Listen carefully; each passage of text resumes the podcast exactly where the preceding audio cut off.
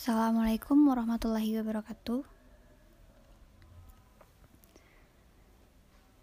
Di sini saya akan menyampaikan hasil diskusi kelompok kami yaitu kelompok 5 mengenai kasus pelanggaran etika bisnis oleh PT Megasari Makmur. Sebelumnya saya akan memperkenalkan anggota kelompok kami. Yang pertama saya sendiri Adriana Rahmi, yang kedua Sari Dahayu Sukma, yang ketiga Triana Utari, yang keempat Destia Risa Irayani, dan terakhir Febri Martalina.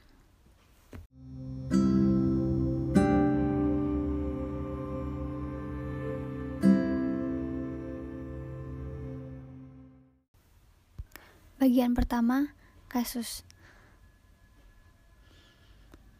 Kita tahu bahwa pada saat ini banyak sekali produk obat nyamuk, salah satunya yang terkenal adalah obat anti nyamuk HIT yang diproduksi oleh PT Megasari Makmur. Obat nyamuk ini pertama kali diproduksi pada tahun 1996. Selain obat nyamuk, PT Megasari Makmur juga memproduksi banyak produk lainnya seperti pengharum ruangan dan juga tisu basah. Obat nyamuk hit ini pun terkenal sebagai obat anti nyamuk yang murah dan tahan lama. Oleh sebab itulah, obat anti nyamuk hit ini terkenal di kalangan masyarakat Indonesia. Obat anti nyamuk hit yang diproduksi oleh PT Megasari Makmur dinyatakan ditarik dari peredaran karena penggunaan zat aktif propoxur dan diklorvos yang dapat mengakibatkan gangguan kesehatan terhadap manusia. Departemen Pertanian, dalam hal ini Komisi Pestisida, telah melakukan inspeksi di pabrik HIT dan menemukan penggunaan pestisida yang mengganggu kesehatan manusia, seperti keracunan terhadap darah, gangguan syaraf, gangguan pernafasan, gangguan terhadap sel pada tubuh, kanker hati, dan kanker lambung. HIT yang promosinya sebagai obat anti nyamuk ampuh dan murah ternyata sangat berbahaya karena bukan hanya menggunakan propoxur tetapi juga diklorvos atau zat turunan klorin yang sejak puluhan tahun dilarang penggunaannya di dunia. Obat anti nyamuk HIT yang dinyatakan berbahaya yaitu jenis HIT 2.1A atau jenis semprot dan HIT 17L cair isi ulang. Selain itu, Lembaga Bantuan Hukum Kesehatan melaporkan PT Megasari Makmur ke Kepolisian Metropolitan Jakarta Raya pada tanggal 11 Juni 2006. Korbannya yaitu seorang pembantu rumah tangga yang mengalami pusing, mual, dan muntah akibat keracunan setelah menghirup udara yang baru saja disemprotkan obat anti nyamuk HIT.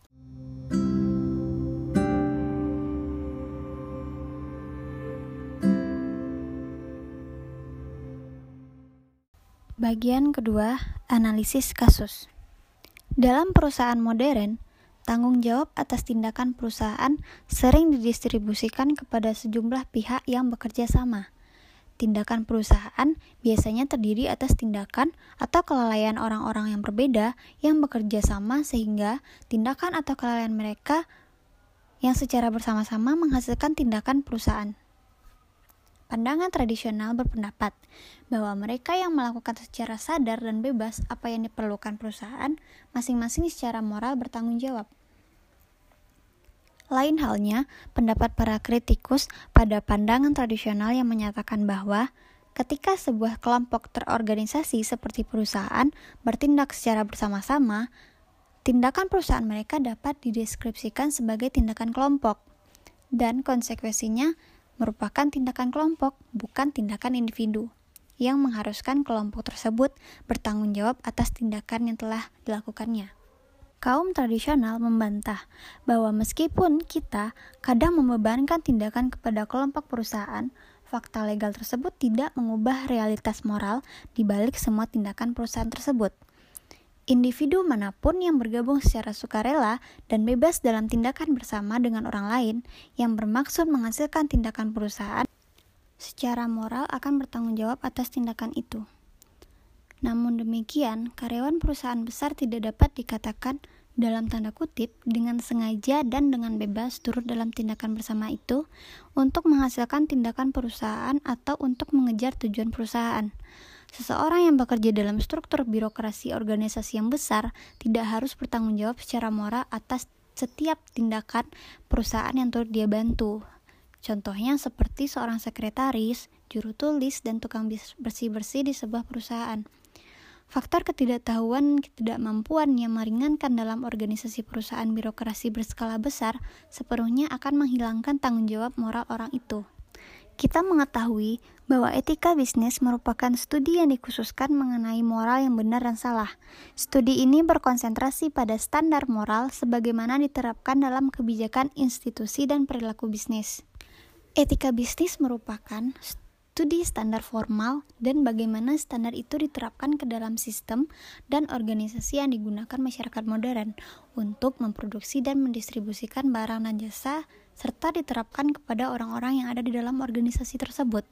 Dari kasus di atas terlihat bahwa perusahaan melakukan pelanggaran etika bisnis terhadap prinsip kejujuran. Perusahaan besar pun berani untuk mengambil tindakan kecurangan untuk menekan biaya produksi produknya. Mereka hanya ingin mendapatkan laba yang besar dan ongkos produksi yang minimal, mengkesampingkan aspek kesehatan konsumen dan membiarkan penggunaan zat berbahaya dalam produknya. Dalam kasus HIT, sengaja menambahkan zat diklorfos untuk membunuh serangga. Padahal bila dilihat dari segi kesehatan manusia, zat tersebut bila dihisap oleh saluran pernafasan dapat menimbulkan kanker hati dan lambung. Dan walaupun perusahaan sudah meminta maaf dan juga mengganti barang dengan memproduksi barang baru yang tidak mengandung zat berbahaya, tapi seharusnya perusahaan juga memikirkan efek buruk apa saja yang akan konsumen rasakan bila dalam penggunaan jangka panjang. Sebagai produsen, seharusnya memberikan kualitas produk yang baik dan aman bagi kesehatan konsumennya, selain memberikan harga yang murah yang dapat bersaing dengan produk sejenis lainnya.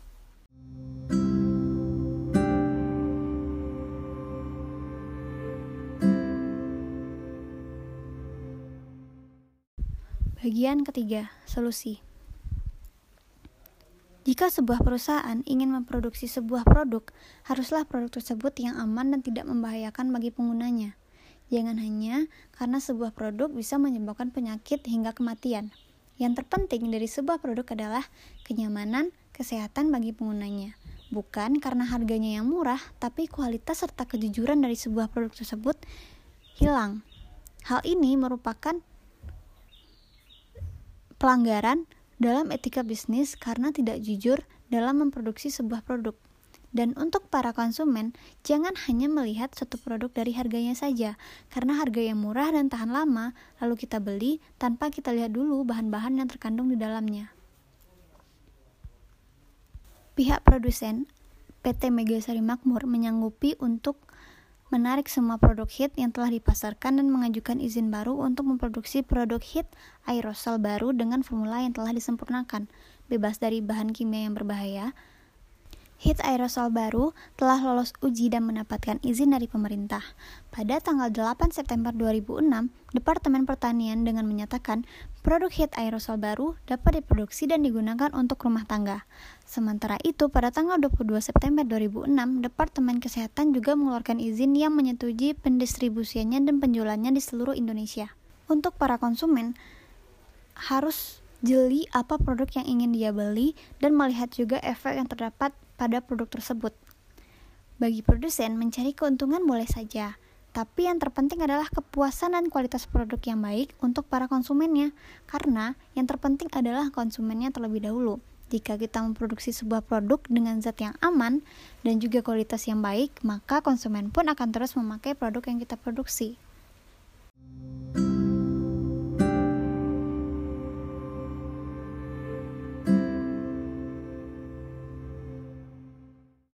Sekian penyampaian hasil diskusi dari saya dan kelompok kelima. Apabila ada perkataan yang salah, mohon dimaafkan. Wabillahi taufiq wal hidayah.